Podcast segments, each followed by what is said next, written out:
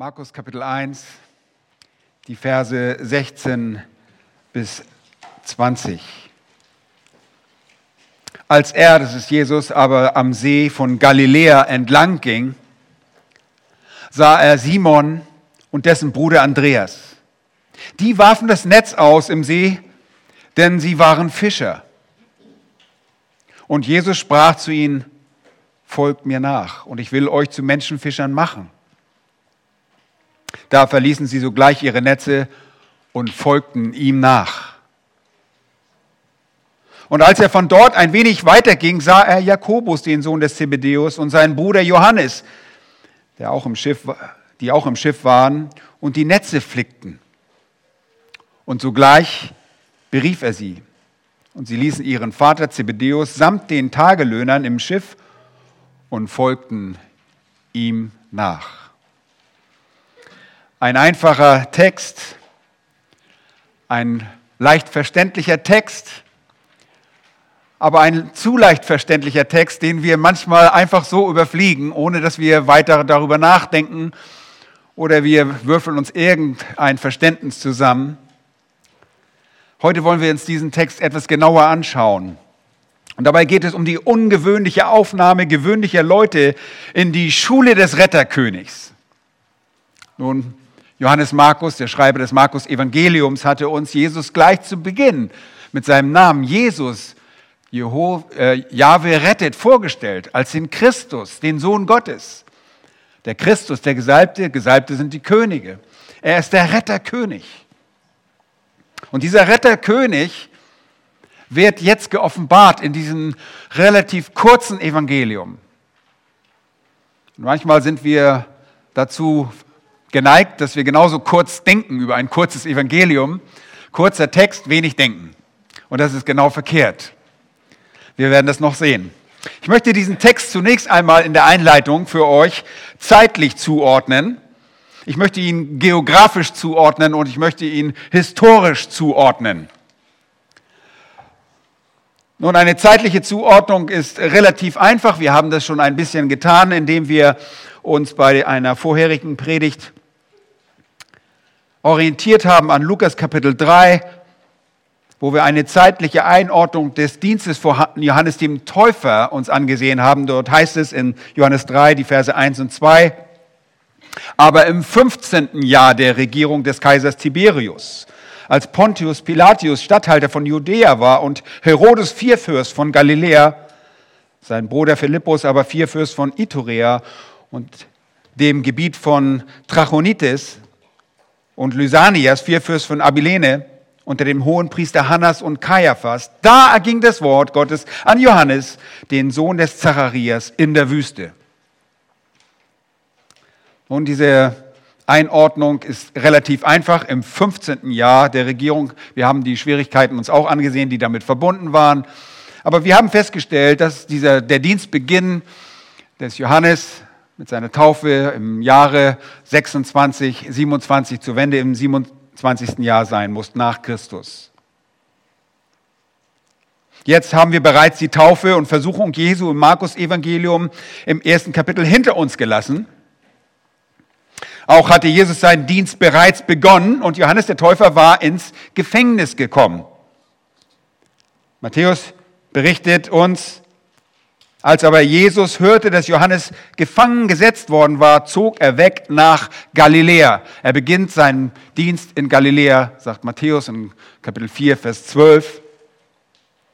Bei Markus nicht zu erkennen, aber wir befinden uns mit unserem heutigen Text schon in der Zeit nach dem ersten Wirkungsjahr des Herrn. Was war bereits geschehen? Noch in Judäa, ein Tag äh, nachdem Johannes äh, Erzeugnis abgelegt hatte, dass er das Lamm Gottes ist, hatte Jesus eine Begegnung mit den Männern. Und dazu bitte ich euch, äh, einmal das Johannesevangelium aufzuschlagen. Wir wollen das verfolgen. Johannes Kapitel 1. Dort sehen wir die allererste Begegnung mit diesen Männern, die hier in unserem Kapitel auch angesprochen werden. Johannes Kapitel 1 und ab Vers 35.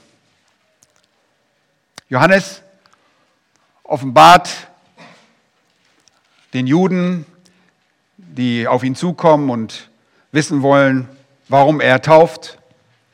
Er offenbart den Priestern und Leviten, dass nicht er, sondern der nach ihm kommen würde, das Lamm Gottes ist. Und er weist darauf hin, dass er das Lamm Gottes ist. Und dieses Zeugnis legt er ab und einen Tag danach legt er nochmals Zeugnis ab, heißt es dort in Vers 35. Am folgenden Tag stand Johannes wiederum da und zwei seiner Jünger. Johannes hatte Jünger. Und den, indem er auf Jesus blickte, der vorüberging, sprach er, siehe das Lamm Gottes. Ein wiederholtes Zeugnis darüber, wer Jesus Christus ist. Und die beiden Jünger hörten ihn das heißt Johannes den Täufer. Sie hörten ihn reden und folgten Jesus nach. Als aber Jesus sich umwandte und sie nachfolgen sah, sprach er zu ihnen, was sucht ihr? Sie sprachen zu ihm, Rabbi, das heißt übersetzt Lehrer, wo wohnst du? Er spricht zu ihnen, kommt und seht.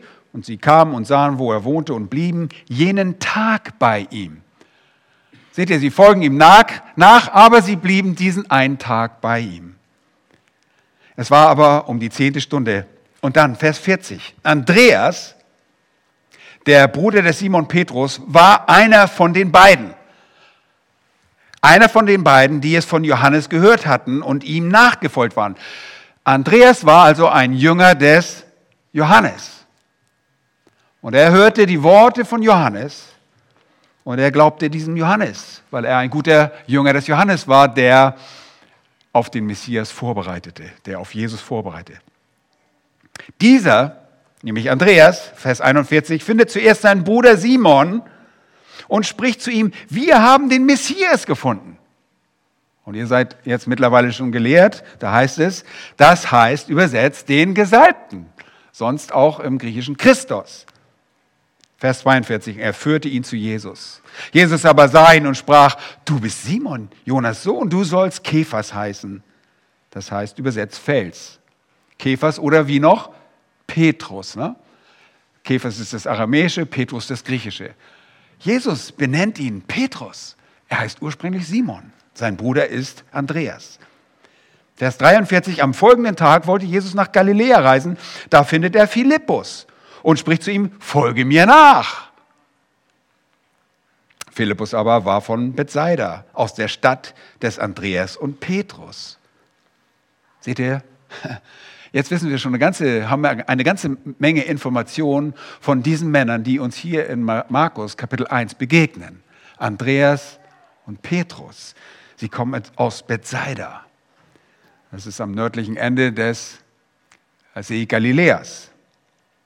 Es geht weiter. Philippus findet den Nathanael. Übrigens, das ist Bartholomäus, der Sohn des Talmai. Und er spricht zu ihm, wir haben den gefunden, von welchem Mose im Gesetz geschrieben haben. Jesus, den Sohn Josef von Nazareth. Und Nathanael sprach zu ihm, kann aus Nazareth etwas Gutes kommen? Philippus spricht zu ihm, komm doch oder komm und sieh. Jesus sah den Nathanael auf sich zukommen und spricht zu ihm, siehe, wahrhaftig ein Israelit, in dem keine Falschheit ist. Nathanael spricht zu ihm, woher kennst du mich? Jesus antwortete und sprach zu ihm, ehe dich Philippus rief, als du unter dem Feigenbaum warst, sah ich dich. Okay, hier sehen wir Dinge, die sich also schon ereignet haben im ersten Kontakt Jesu zu diesen Jüngern. Jetzt mittlerweile befinden wir uns im 27. Jahr. Johannes weist also auf die erste Begegnung dieser Männer mit Jesus hin. Und er macht deutlich, dass Jesus danach das erste Zeichen tut. Johannes tut es in seinem Evangelium. Markus lässt das alles aus. Johannes sagt, es gibt ein erstes Zeichen. Und wo? In Galiläa. Bei der Hochzeit zu Kana. Nachzulesen in Johannes Kapitel 2, die Verse 1 bis 11. Dann stattet er mit seiner Familie und Jüngern einen kurzen Besuch in Kapernaum ab und geht dann nach, äh, zum Passa nach Jerusalem. Das taten alle getreuen Juden, wo er zum ersten Mal den Tempel von den Händlern den Schafen und den Rindern, den Tauben und den Geldwechseln befreite. Ihr erinnert euch daran, das gab es zweimal. Einmal zu Beginn seines Dienstes und einmal zum Ende seines Dienstes. Wir sind im Jahr 27. Das erste Dienstjahr ist vorüber und das ist bereits geschehen. In diesem Kontext, geschichtlichen Zusammenhang, kommt dann auch Nikodemus zu Jesus bei Nacht. Auch das geschieht, bevor äh, das Äh, diesem Ereignis in Markus Kapitel 1. Und ihr erinnert euch sicherlich an dieses Gespräch, das Jesus mit Nikodemus geführt hat. In der Zwischenzeit ist Johannes, der Täufer, zieht weiter nach Enon bei Salim und beginnt dort zu taufen. Jesus selbst nimmt sich in diesem Zusammenhang, während er in Judäa ist, Zeit, selbst das Evangelium zu predigen und sogar zu taufen. Nicht er selbst, sondern durch seine Jünger, seine Jünger taufen. Erstaunlicherweise seine Jüngerschaft wächst sprunghaft an. Und zwar so sehr, dass sie die des Johannes übertrifft. Sie übersteigt zahlenmäßig bereits die Anhängerschaft des Johannes. In Matthäus 4,12 lesen wir dann, als aber Jesus hörte, das ist das nächste Ereignis, dass Johannes gefangen gesetzt worden war, zog er weg nach Galiläa. Und da befinden wir uns jetzt. Matthäus 4, Vers 12. Ihr wisst auch noch, dass er auf seiner Reise dorthin durch Samaria reisen musste. Das ist Johannes Kapitel 4. Er trifft diese Frau am Samariterbrunnen, die Samariterin. Ähm, bewirkt dann auch das zweite Zeichen, als er dort ankommt in Kapernaum. Das zweite Zeichen, das Johannes für sein äh, Johannesevangelium gewählt hat. Und dann äh, zeigt er Kapernaum als sein temporäres Lager, als eine Ausgangsbasis, wo er auch vorübergehend wohnt. Anlass war sicherlich auch die erfahrene Ablehnung in Nazareth, die auch schon geschah, bevor dieses Ereignis in Markus Kapitel 1 stattfand. Jetzt kommen wir zu dieser Begegnung.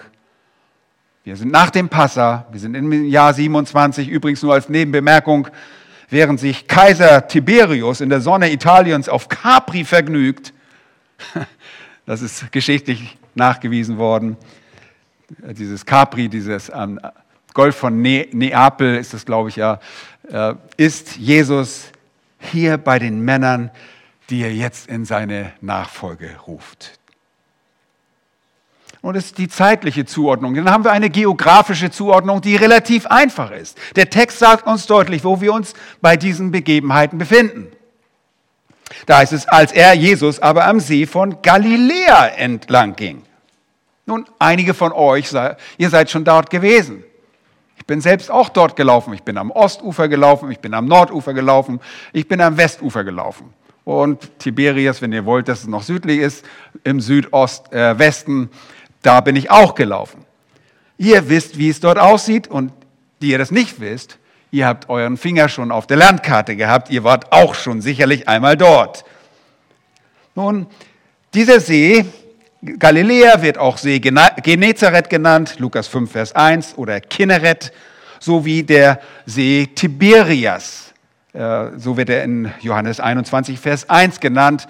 Johannes Antipas hatte eine Stadt dort gebaut, ähm, Südwesten von diesem See zu Ehren des Kaisers Tiberius und hat diese Stadt besiedeln wollen und hat sie auch besiedelt.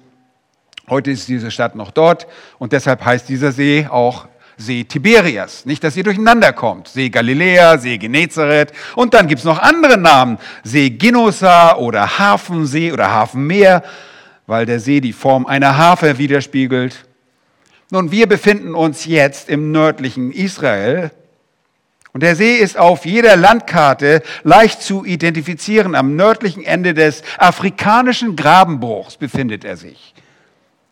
Und er ähnelt, wie schon gesagt, der Form einer Harfe oder eines Herzens und hat eine Größe von 166 Quadratkilometern. Beim Umfang von 53 Kilometern ist der See immerhin 20 mal so groß wie der Tegler See einschließlich der sich darauf befinden oder darin befindlichen Inseln am Teglersee. Also der Teglersee ist eigentlich nur eine Pfütze dagegen. Er ist der tiefstgelegene Süßwassersee der Welt mit ca. 212 Metern unter dem Meeresspiegel. Äh, die Israeliten beklagen mittlerweile, dass es schon fast 214 Meter sind unter dem Meeresspiegel, weil es eine sehr große Trockenheit seit einigen Jahren gibt und der äh, Wasserstand sich immer mehr absenkt.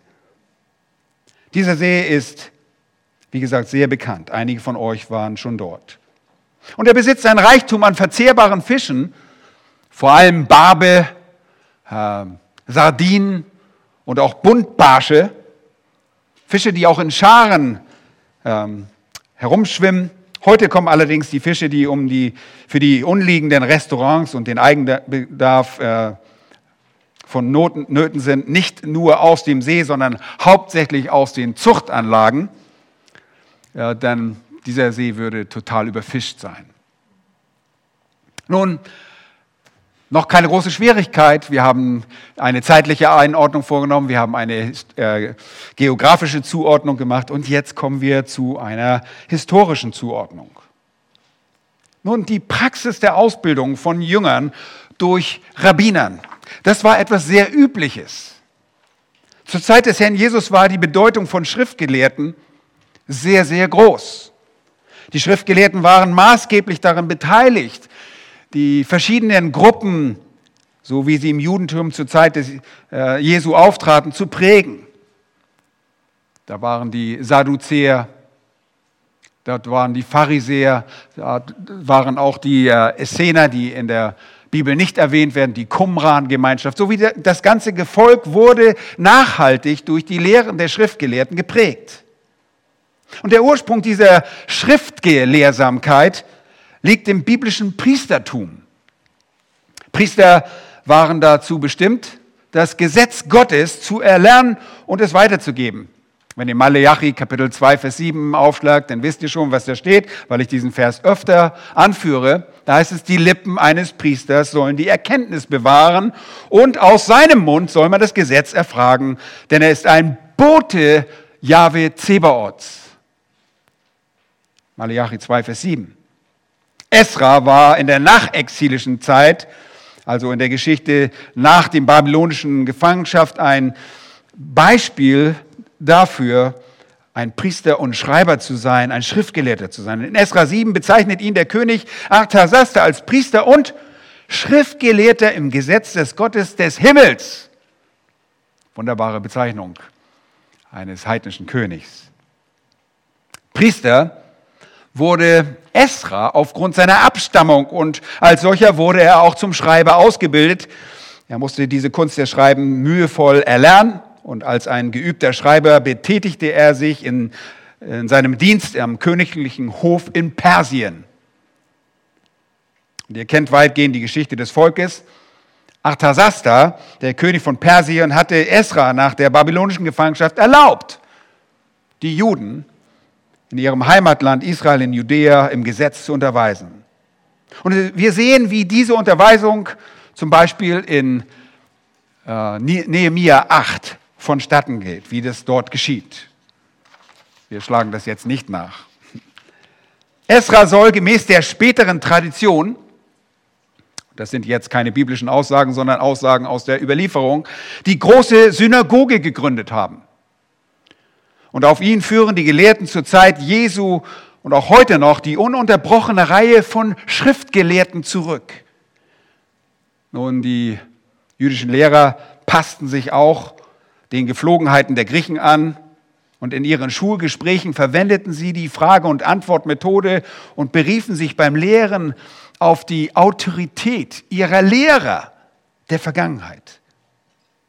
Die Griechen Sie führten ihre Lehrer namentlich in einer Art Kettenauflistung in ihren Philosophenschulen an.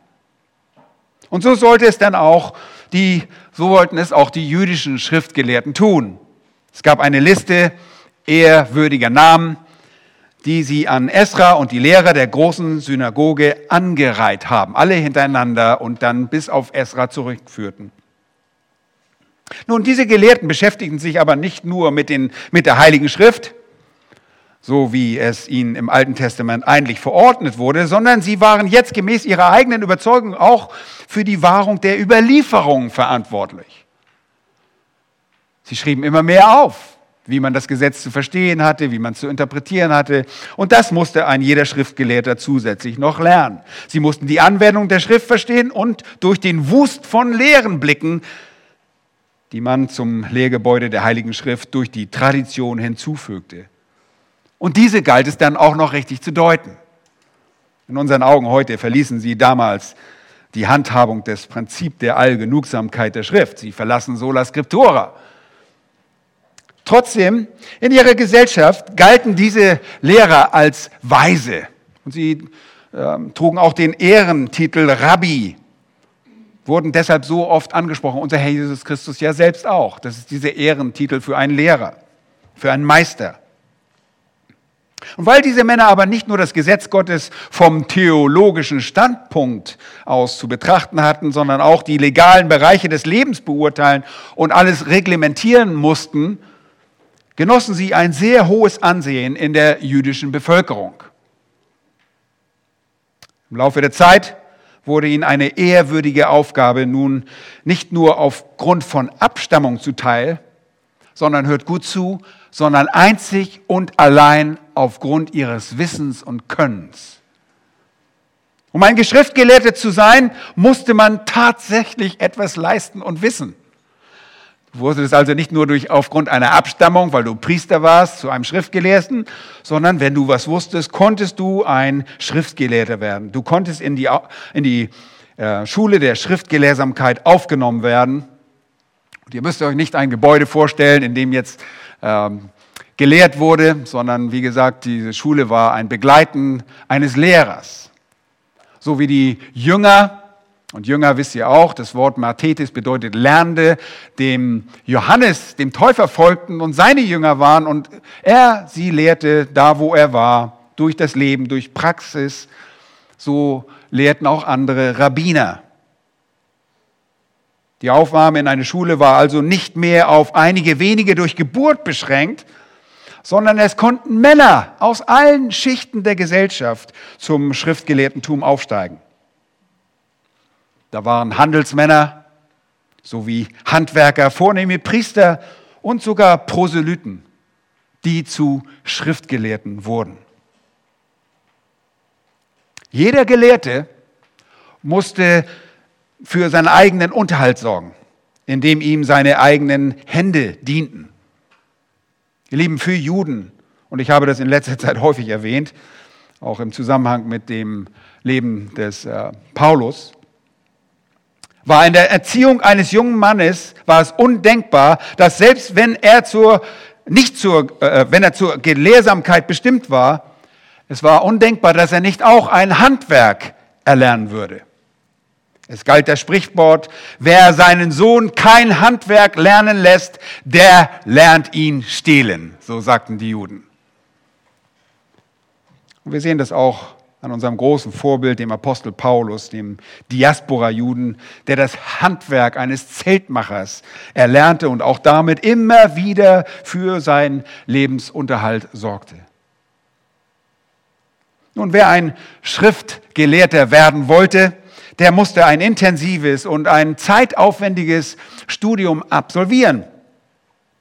Die äh, Ausbildung wurde durch die berühmten Lehrer vollzogen, um die sich dann die Schüler jeweils sammelten. Ich sagte das schon, ein Schüler, ein Lernender, Mathetes, musste sich dafür bei dem entsprechenden Rabbi oder Meister bewerben, den er dann wiederum seinerseits prüfte und über seine Aufnahme in das Studium selbst entschied, ob er ihn annehmen würde oder nicht.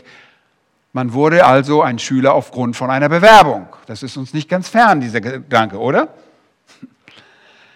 Nun, sollte der Lehrer sich seinem Prodigy oder seinem, seinem wohlwollend äh, gegenüberstehenden Schüler äh, die Gunst erweisen, dass er kommen durfte, dann nahm er ihn auf in seine Lebensgemeinschaft. Der Schüler trat in eine Lebensgemeinschaft mit seinem Lehrer.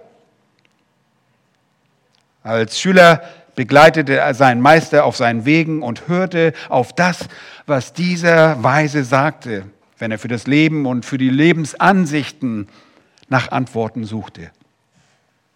Und der Schüler achtete darauf, wie der Lehrer diese Fragen löste und durchdachte. Und er selbst stellte Fragen, um von diesem seine Weisheit zu erlernen.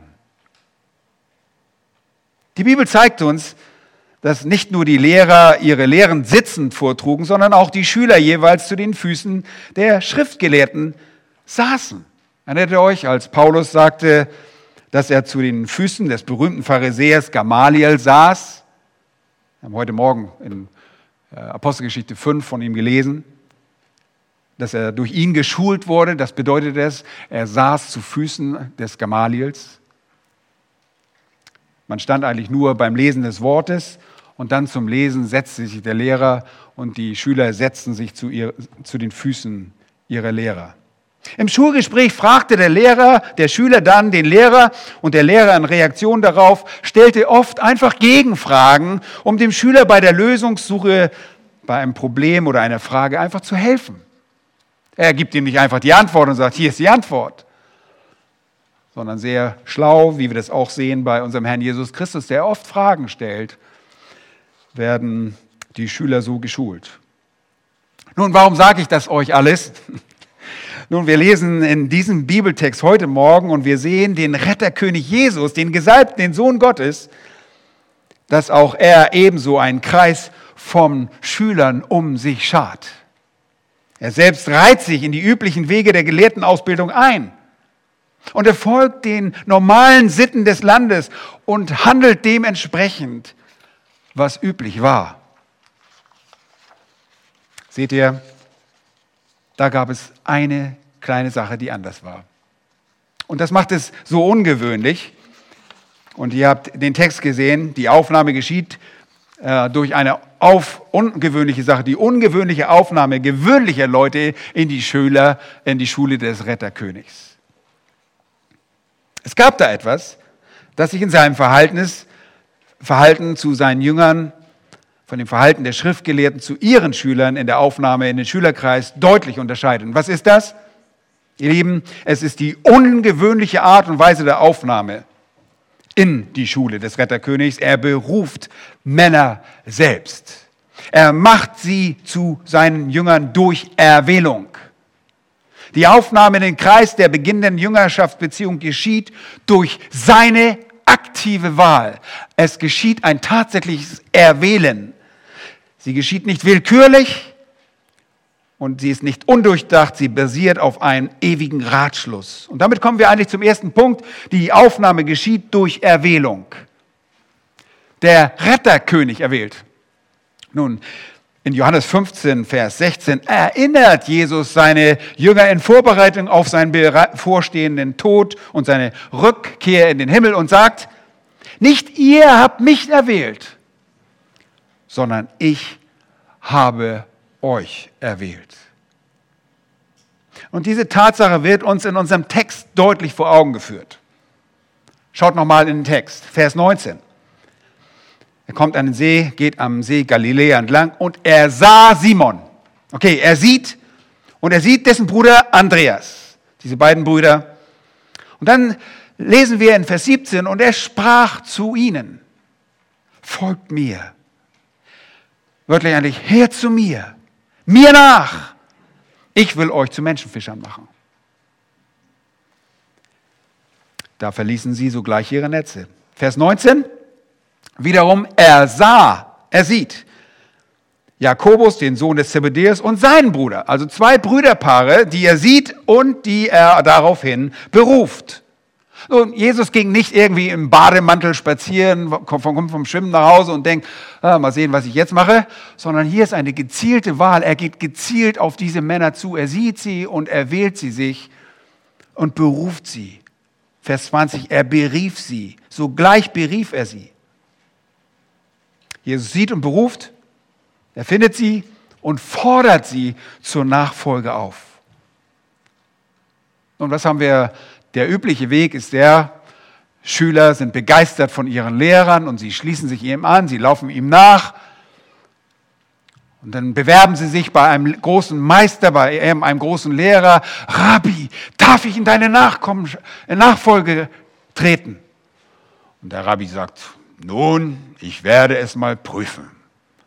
Und dann würde er den Schüler prüfen, eingehend prüfend. Hier kommt Jesus und er kennt seine Leute bereits. Er weiß, was für Typen er sich hier auswählt. Und wir kommen darauf noch zu sprechen. Es sind ganz normale Menschen. Aber er erwählt sie, trotz dass er weiß, wie diese Leute sind. Es gab auch andere, viele, viele andere Fischer zu dieser Zeit an diesem See. Viele andere Menschen lebten in Kapernaum und Galiläa. Aber der Retter, König Jesus, wollte genau diese Männer haben. Er wählte sich Männer aus, die aktive Fischer sind. Sie sind gerade bei der Arbeit. Und der Retter, König Jesus, beruft sie direkt von dem Arbeitsplatz in die Nachfolge. Nun, keiner dieser Männer war unseres Wissens auf dem Weg zur Gelehrsamkeit. Ja, keiner hat den Antrag in der Universität in Jerusalem gestellt oder sonst wo. Wir können nur davon ausgehen, dass sie gewöhnliche Fischer waren. Zumindest diese vier Männer. Keine dieser Männer hatte sich in diese Richtung vorbereitet. Wir sehen einfach gewöhnliche Männer, die zusammen mit ihrem Chef, wer ist das wohl? Das ist Simon, die von ihrem Chef, die einfach erwählt werden, mit ihrem Chef zusammen. Lukas 5 beschreibt uns, dass Jakobus und Johannes Teilhaber waren ähm, von Petrus. Er muss offensichtlich ein Geschäft gehabt und er hat die anderen beiden Brüder Teilhaber seines Geschäftes sein lassen. Und das ist sehr deutlich. Wer weiter liest in der Evangelium, der weiß gleich, wer der Leiter ist von diesen Männern. Nun, wir müssen diese Berufung in die Aufnahme der Schule des Retterkönigs und die damit verbundene Erwählung etwas besser verstehen.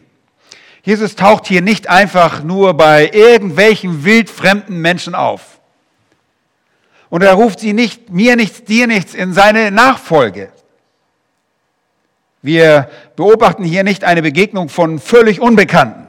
Das habe ich euch schon gesagt in der Zuordnung ähm, der Zeit und wann dieses Ereignis stattfindet. Die Berufung dieser Männer, die hier namentlich aufgezählt werden, und es kommen später noch andere dazu, geschieht nicht aus heiterem Himmel, sondern stellt einen Teil des Prozesses der Berufung in die Nachfolge und Schule des Meisters dar. Deshalb habe ich das Aufnahme genannt. Dieser Prozess in die Schule, die, der Aufnahmeprozess in die Schule des Meisters wird in der Schrift betont. Lass mich das ein bisschen besser erklären. Jesus läuft nicht einfach am Strand des Sees von Galiläa rum. Er ruft nicht ohne weiteres ein paar Männer in seine Nachfolge. Ah, rein zufällig sieht er diese Männer und er ruft sie. Zu dieser Begegnung gibt es bereits diese Vorgeschichte, die wir aus Johannes 1 gelesen haben, die man ohne einen Blick in die anderen Evangelium bei der Beobachtung von Markus allein völlig verpassen würde. Ihr lest diesen Text und ihr denkt, wow, da kommt Jesus und der ruft ihnen nach vor und die gehen sofort ihm hinterher. Mal sehen, ob ich das auch machen kann ob ich auch so Leute gefangen nehmen kann für meine Interessen. Einfach hingehen und sie rufen. Und die Empfänger des Markus-Evangeliums hatten zunächst nur diese Schreiben. Und ihr denkt, ja, wie können die das denn wissen? Die konnten ja nicht mal kurz das Johannesevangelium aufschlagen. Nun, damit diese Empfänger die Berichte des Evangeliums jedoch richtig einordnen und verstehen würden, wurden sie mit Sicherheit von ihren eigenen Lehren anhand dieses Schreibens unterrichtet. Sie nahmen das Markus-Evangelium in die Hand und wir erinnern uns kurz daran, durch wen wurde Johannes Markus unterrichtet? Hauptsächlich durch Petrus, oder? Es wurde ihnen gezeigt, wie dieser Prozess dieser Berufung, dieser Aufnahme in die Schule des Retterkönigs vonstatten ging. Nochmals, wir sehen heute den ganzen Ratschluss offenbart. Denn wir haben alle von Gott inspirierten Evangelien. Wir haben diese vier Evangelien und wir gucken uns alle zusammen an und betreiben eine Synoptik, ein Zusammen hineinblicken und wir bekommen den ganzen Ratschluss und wir können das alles recherchieren und auf einmal haben wir eine chronologische Reihenfolge und wissen genau, wann was stattgefunden hat. Manchmal ist es relativ ein bisschen schwieriger, aber das können wir tun. Die ursprünglichen Empfänger des Markus-Evangeliums bekommen diese Einsicht zunächst nicht schriftlich. Sie kriegen diesen Brief. Und sie sind sicherlich mit diesem Brief, den, der äh, ihnen ja vorgelesen wurde, der wurde ja nicht gleich in Druck gesetzt vom Papst oder von der Presse da. Äh, nein, sie kriegen diesen Brief vorgelesen und dann wurde ihnen erklärt, was passierte. Und ich bin mir sicher, dass Erklärungen dazu abgegeben wurden, wie Jesus seine Jünger berufen hat.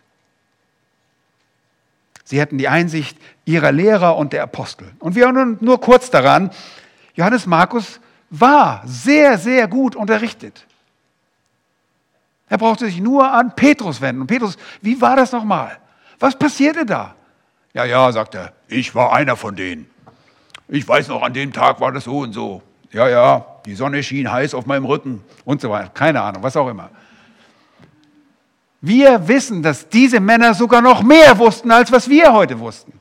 Aber dem Heiligen Geist gefiel es wohl, uns diese Worte, die wir jetzt vor uns liegen haben, uns zu offenbaren. Er gibt uns Lehrer, die uns auch das aufzeigen, was hier sich noch verborgen hält. Obwohl mit dem Heiligen Geist wir gesalbt sind und dieser uns belehrt haben, auch wir Lehrer, trotz dass wir den gesamten Ratschluss haben. Der Retterkönig beruft also selbst. Ihr Lieben, das bezieht sich erstens auf ihr Heil, denn wir lesen, dass die Jünger an ihn glaubten in Johannes äh, Kapitel 2, Vers 11, nachdem Jesus das Wunder in Kana tat, glaubten sie an ihn. Sie müssen erstmal zum Glauben kommen. Und dann sehen wir einen Prozess der Berufung der nicht nur einmalig erfolgt. Der, der Ruf des Herrn erfolgt nicht nur einmal. Jesus sagt nicht nur einmal, kommt, folgt mir nach. Die Jünger mussten ihn öfter hören. Diese Erwählung bezieht sich hier auf einen speziellen Dienst, das werden wir gleich noch sehen. Hier sind die ersten vier Männer, die sich Jesus aus den Jüngern erwählt, damit sie einen ganz bestimmten Auftrag ausführen würden. Nun, in vielerlei Hinsicht gibt es Parallelen zu unserer Berufung. Allerdings können wir nicht Jesus nachfolgen, indem wir ihm physisch hinterherlaufen. Wir folgen ihm, indem wir seine Prinzipien annehmen, dass wir ihm so nachfolgen. In mancherlei Hinsicht ist die Berufung dem Prinzip nach den unsrigen gleich. Denn er hat uns genauso erwählt. Jesus hat nicht irgendwie nur Idee gedacht und hat irgendwo mal in die Zukunft geguckt und gesehen, oh, der Dieter, der entscheidet sich für mich. Ah, okay, alles gut, nicht schlecht. Nein, nein, er ist der Aktive und er wählte mich und er wählte dich, wenn du ein Kind Gottes bist, vor Grundlegung der Welt. In anderer Hinsicht ist diese Berufung einmalig. Niemand von uns hat Jesus so gesehen. Die Jünger sagten, wir sahen seine Herrlichkeit voller Gnade und Wahrheit. Die sehen wir nicht im Angesicht Jesu, die sehen wir auf den Seiten der Schrift. Ihr Lieben, ihr habt das Vorrecht, die Schrift zu öffnen und ihr seht dort die Gnade und die Herrlichkeit, die, die Wahrheit des Herrn Jesus Christus. Er ist die Wahrheit als Person. Aber ihr Lieben, lasst mich kurz diesen Prozess der Berufung euch vor Augen führen. Er beruft und das ist nicht das einzige Mal. Die erste Phase haben wir uns angeschaut, war in Johannes Kapitel 1, die Verse 37 bis 51, das ist die erste Berufung, der Beruf zur Bekehrung und zum Glauben an den Messias. Und dann, wie gesagt, lesen wir in Kapitel 2, Vers 11, und sie glaubten an ihn. Die zweite Phase, und ich glaube, diese Begegnung hier am See Galiläa ist diese zweite Phase. Parallelstelle dazu ist Matthäus Kapitel 4, 18 bis 22 ist der Aufruf zur Nachfolge als Menschenfischer. Er sagt ihm, komm mir nach. Her zu mir, mir nach. Ich will euch zu Menschenfischer machen. Das geschieht bereits, wie ich gesagt habe, nach dem ersten Wirkungsjahr in Galiläa. Die dritte Phase ist dann in Lukas Kapitel 5. Eine zweite Berufung, wo die Jünger realisieren, dass Jesus sie permanent in der Nachfolge haben möchte.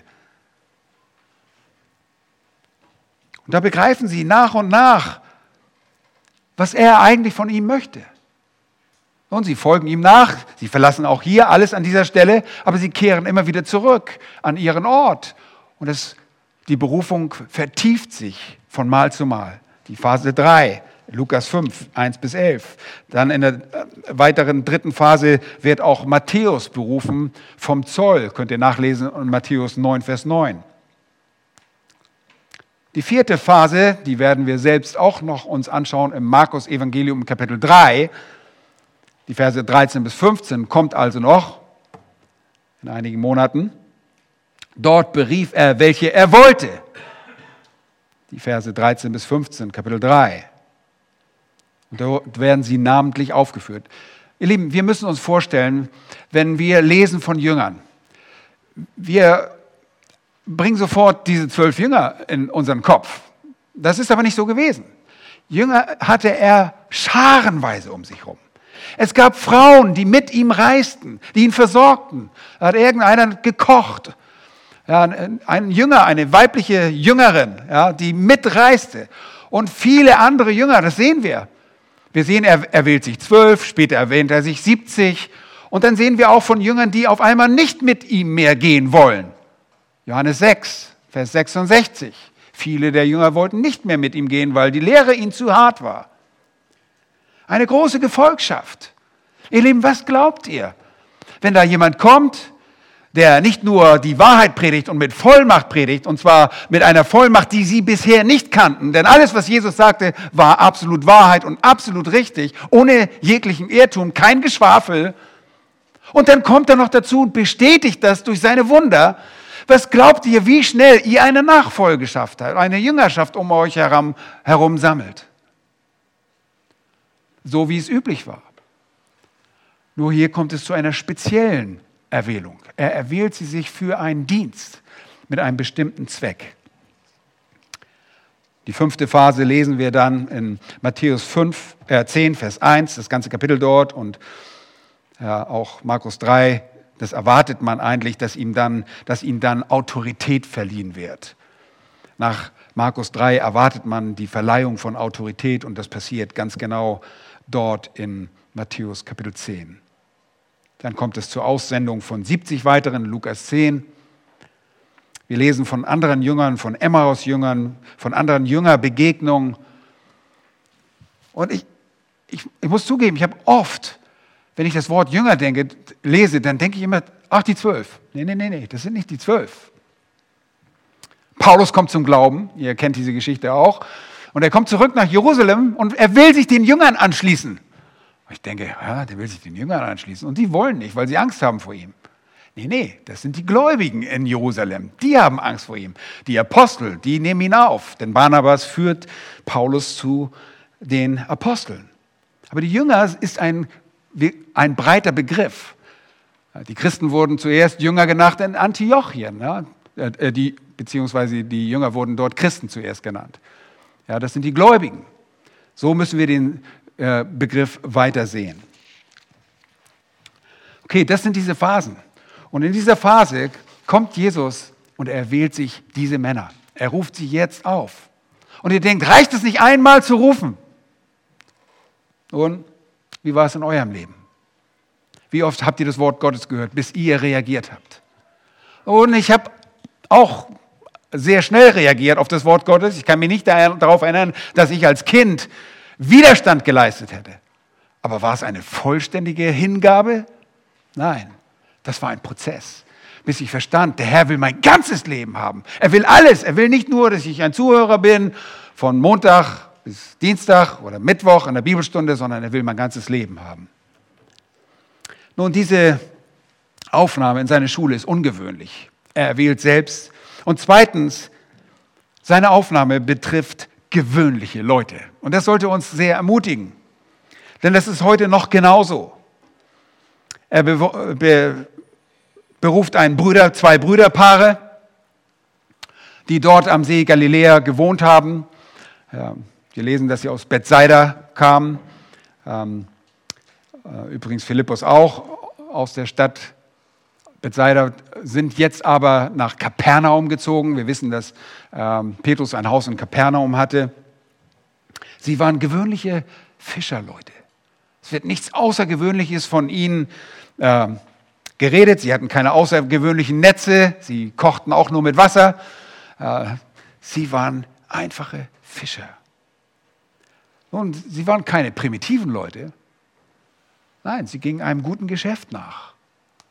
Und es geht daraus hervor, weil Simon eben eine Teilhaberschaft mit dem Brüderpaar hatte, dass sie gewetz, also gewitzte Geschäftsmänner waren, die wussten, dass sie den Fisch verkaufen konnten. Nun, Simon erhält diesen Beinamen Petrus vom Herrn selbst. Fels, Käfers, Fels, aramäisch, Stein, von Jesus selbst. Das sehen wir später. Und Andreas, Männer, waren Männer aus, aus äh, Bethsaida am nördlichen Ufer. Wenn man dort äh, des See Galiläas, wenn man dort hingeht, dann sieht man eigentlich gar nichts mehr, nur ein paar Ruinen. Ähm, ich bin dort selbst mal durch Bethsaida gelaufen, wo man annimmt, dass dort Bethsaida ist. Man hat lange gesucht, bis man das überhaupt gefunden hat. Und auch sehr spät hat man erst Kapernaum entdeckt, das biblische Kapernaum. Dort fischten sie.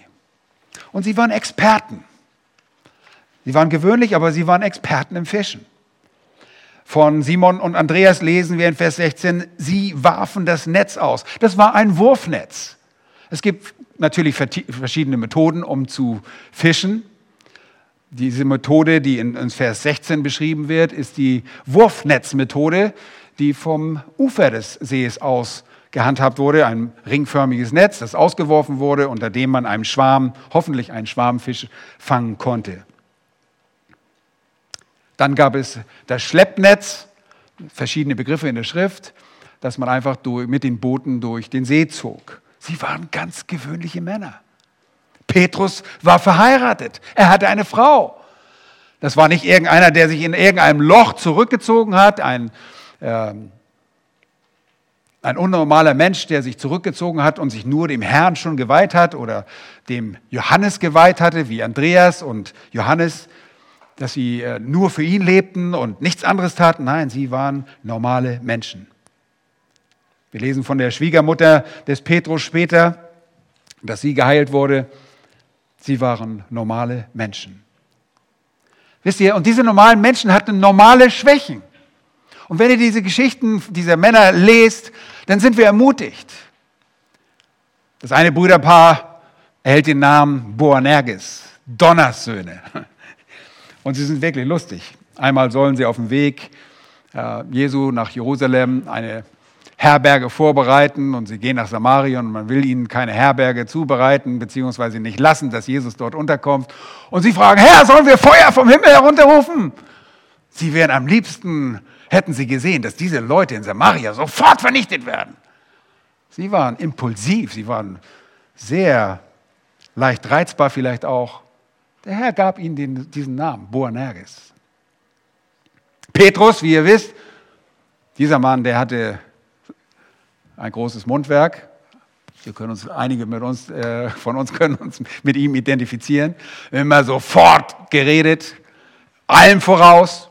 Ja, alle werden dich verlassen. Ich werde dich nicht verlassen. Ich werde mit dir sterben. Ja, das, Jesus hat gewusst, wer diese Männer sind. Jesus war bereit, seinen Herrn zu verteidigen. Er wollte diesen Malchus dem Kopf abschlagen und erwischt dabei sein Ohr. Er wusste um die Verleugnung, er wusste um die Schwächen dieser Männer. Wusste er, dass Judas ihn verraten würde? Das wusste er auch. Er wählt diese Männer aus, ganz gewöhnliche Männer, um einen unmöglichen Auftrag zu erfüllen. Einen scheinbar unmöglichen für uns.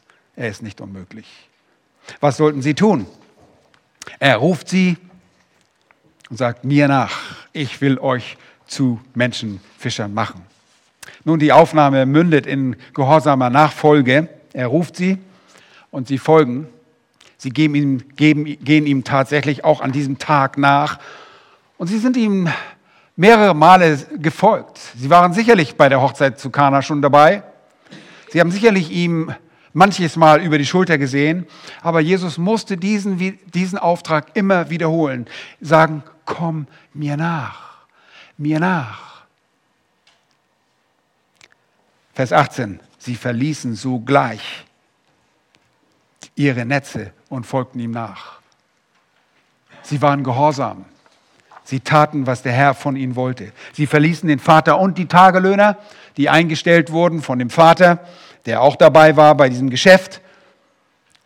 Mitunter gab es äh, eine Saison, bei der es mehr zu tun gab und so stellte man Tagelöhner ein, um die reichhaltige Arbeit, die vielfältige Arbeit zu bewältigen. Aber erst später realisieren sie, dass Jesus sie in die permanente Nachfolge beruft, dass er möchte, dass sie auch von dem Evangelium leben. Wir wissen, dass äh, Johannes ähm, und äh, Petrus selbst werden zu Säulen in der Gemeinde in Jerusalem. Auch der Halbbruder unseres Herrn Jesus Christus, der nach der Auferstehung zum Glauben kommen wird, dort ein Ältester. Sie werden versorgt. Sie müssen nicht immer arbeiten, durchaus möglich, dass sie zwischendrin gearbeitet haben, so wie auch Paulus sich zwischendurch von seiner eigenen Arbeit ernährt hat. Aber sie folgen ihm nach. Sie sind gehorsam. Nun, was wird in diesen Männern vor sich gegangen sein? Könnt ihr euch das vorstellen? Sie sehen diesen Mann, der ihnen dort begegnet, von dem sie viel gehört haben, den sie gesehen haben, dass er Wunder tut, und sie glauben ihm. Sie glauben ihm. Sie werden verwandelt in ihrem Herzen und sie folgen ihm und sind gehorsam. Später sagt Petrus zu ihm, zu Jesus, siehe, wir haben alles verlassen und wir sind dir nachgefolgt. Jesus antwortet ihm und sagt, wahrlich, ich sage euch, es ist niemand, der Haus oder Brüder oder Schwestern oder Vater oder Mutter oder Frau oder Kinder oder Äcker verlassen hat, um meinetwillen, um des Evangeliums willen, der nicht hundertfältig empfängt, jetzt in dieser Zeit und Häuser, Häuser und Brüder und Schwestern und Mütter und Kinder und Äcker unter Verfolgung und in der zukünftigen Weltzeit ewiges Leben. Glaubt ihr, dass das dem Petrus irgendwo hängen geblieben ist? Ich glaube ja. Wisst ihr, ich vertraue auf den Herrn, weil ich weiß, dass wir Lohn bekommen werden. Sie folgten ihm, weil sie wussten, wer er ist, dass er die belohnen würde, die ihm folgen. Ich komme bald, sagt Jesus, und mein Lohn mit mir, um jeden so zu vergelten, wie sein Werk sein wird. Nun, wir wissen, dass sie nicht ganz einfach zu belehren waren. Sie waren äh, teilweise sehr störrisch, das wissen wir auch. Jesus brauchte sehr, sehr viel Geduld. Aber ihr erster Impuls und erste Maßnahme ist, wir gehorchen, wir folgen ihm nach. Leben, eine Aufnahme in die Schule des Herrn Jesus Christus, auch für dich, ist an Gehorsam geknüpft, ist an Nachfolge geknüpft. Und wir haben uns eingehend darüber unterhalten und wir haben das auch ein, in einer Predigtserie darüber gesprochen, was es bedeutet, Nachfolger zu sein, sich selbst zu verleugnen, sein Kreuz auf sich zu nehmen, täglich. Nun, die Aufnahme geschieht hier viertens mit einer klaren Zielsetzung. Und die Berufung ist nicht unverständlich für sie. Jesus kommt, er spricht in der Sprache, die diese Fischer verstanden. Und er wiederholt diesen Beruf nochmals, diese Berufung. Und diese Berufung zum Jünger bedeutet Zurüstung, Zurüstung für eine ganz spezielle Aufgabe. Der Herr begegnet ihnen auf ihrer Ebene, er drückt ihren Auftrag auf dieser Ebene aus. Statt mit tatsächlichen Fischen umzugehen, sollten sie Menschen fischen. Ist interessant. Diese Aufgabe kann man in vielfältiger Art und Weise ausdrücken. Jesus hätte auch kommen können, hätte seine Krone aufsetzen können mit einem Purpurmantel am See Galiläa spazieren gehen und sagen, ich bin der König. Ich rufe euch als Diplomaten in meine Gefolgschaft. Ihr seid Ambassadeure, oder wie sagt man Plural, Ambassador, Ambassadeur, ja. Ihr seid Botschafter, ihr seid Botschafter an Christi Stadt. Ich bin der König und ihr sollt meine Botschafter sein. Und ich mache jetzt noch gleich ein Feuer vor euren Augen, damit ihr seht, dass es wahr ist.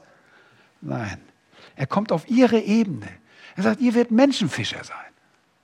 Und ihr könnt euch vorstellen, was sich da bei so einem Fischer alles in den Kopf losgeht. Ich meine, die waren nicht ganz dumm. Die haben bestimmt nicht gedacht, oh, wir sollen Menschen fassen, Menschen verkaufen und dann Menschen verspeisen. Nein, irgendwo hört so ein Sprachbild auf, oder? Nein, sie haben darüber nachgedacht. So wie wir Fische als Experten Fische fangen, so werden wir eingesetzt für Jesus, um Menschen zu gewinnen, für ihn. Diese Berufung mit den Worten, die er benutzt, mit einfachen und demütigen Worten, bewahrt sie vor Hochmut. Denn er wusste, was das für Typen sind. Die streiten noch beim letzten Mal, wer der Größte sein wird. Stellt dir vor, Jesus kommt an, ich will, ihr seid Königskinder, ihr sollt an meinem Tisch sitzen und ich brauche euch unbedingt jetzt in meiner Gefolgschaft. Oh, ja, könnt ihr euch vorstellen, wie da die T-Shirts oder was immer sie anhatten, ihre Leinenumhänge aufplatzten vor, mit geschwollener Brust. Nein, er sagt, ihr werdet Menschenfischer sein. Das haben Fischer verstanden. Diese Ausdrucksweise prägt sich ihnen besonders ein. Könnt ihr euch das vorstellen? Ich war ein Fischer und ich bin immer noch ein Fischer. Nun, einige von uns können das auch sagen. Du warst Polizist, bei der Bundespolizei vielleicht, und bist jetzt ein Polizist Gottes. Du arbeitest für den Herrn. Nun, dieses Menschenfischen bedeutet nichts anderes, als ein Werkzeug in der Hand des Königs zu sein. Und diese Zielsetzung wird in der Schrift auch mit anderen Worten ausgedrückt. Er, kann er hätte sagen können, ihr seid meine Evangelisten, ihr seid meine Werkzeuge, ihr werdet das Evangelium zu den Nationen hinaustragen, ihr werdet reden für mich, denn ich gehe zurück zu meinem Vater. Und er sagt ihnen einfach, ihr sollt Menschen fischen. Und so geschickt wie ein Fischer sein musste, und wir sehen Beispiele dafür, dass man auch einen Fehlschlag haben kann, bei einer Begegnung mit Petrus, sagt Jesus, fahrt hinaus, fischt an dieser Stelle. Und Petrus sagt, wir haben die ganze Nacht gefischt. Jesus, sag mal, weißt du nicht, sagt er nicht, aber weißt du nicht, dass wir die Experten hier sind? Wir wissen, wir kennen diesen, wir sind hier aufgewachsen. Wir kennen diesen See und wir wissen, wo wir fischen. Und Jesus zeigt, er ist souverän über das, was sie tun. Er zeigt ihnen ganz deutlich, ihr werdet fischen, wo ich euch zum Fischen schicke. Und wo ist diese Fischen? Wir gehen zum Missionsbefehl. Macht zu Jüngern alle Völker. Lehret sie halten alles, was ich euch befohlen habe. Macht sie zu Jünger, taufet sie im Namen des Vaters, des Sohnes und des Heiligen Geistes. Und dann der Auftrag später. Wo sollen sie hingehen? Nach Jerusalem, nach Judäa, nach Samaria und bis an die Enden der Erde. Dort sollten sie fischen. Und dieser Auftrag verpflichtete zur Weitergabe. Denn sie konnten diesen Auftrag nicht allein ausführen. Ist es nicht so? Sie mussten dies genauso weitergeben und das taten sie auch. Und wir verfolgen das gerade in der Apostelgeschichte. Wenn wir die Apostelgeschichte lesen, dann sehen wir, das Evangelium wird treu von ihnen verkündigt. Sie fischen. Wie machen sie das? Mit dem Wort Gottes. Das ist die Methode. Ihre Netze sind das Wort Gottes, das sie auswerfen. Und Gott gibt Gnade, dass Menschen hinzugetan wurden. Eine ungewöhnliche Geschichte. Für uns vielleicht nicht so, denn wir lesen ganz schnell und plump über diese Verse hinweg und denken, ah, was ist da schon drin? Nun, sie waren gehorsam. Sie ließen sich zurüsten. Und ihr Lieben, hier geht es erst um die Aufnahme in die Schule. Sie folgten dann dem Herrn für vielleicht 18 Monate. Sie waren nicht drei Jahre da, habe ich immer früher gedacht, drei Jahre waren sie in seiner das ist gar nicht so der Fall. Es ist das erste Jahr schon vergangen. Sie hören vielleicht schon von ihm, aber eine intensive Schulung, bei der sie mit Jesus sind. Und weil Jesus ein temporäres Zuhause in Kapernaum macht, kann auch Petrus bei seiner Frau sein.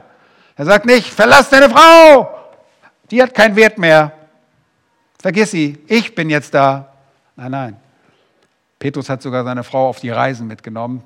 Paulus nimmt darauf Bezug im Korintherbrief. Ganz normale Menschen, die er sich erwählt hat.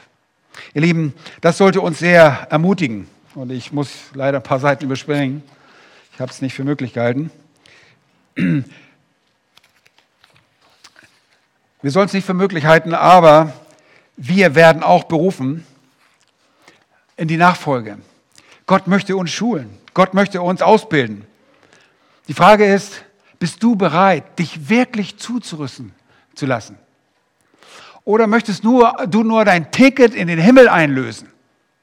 Willst du Jesus in allem folgen? Jesus braucht keine halbherzigen Christen.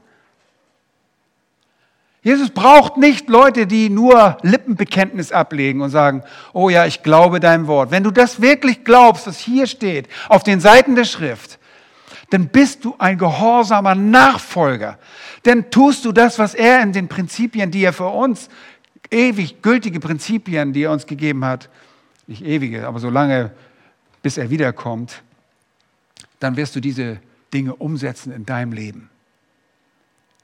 Wir sollten uns fragen, jeder persönlich für uns, bist du ein Menschenfischer? Nun, wir sind das auf unterschiedliche Art und Weisen.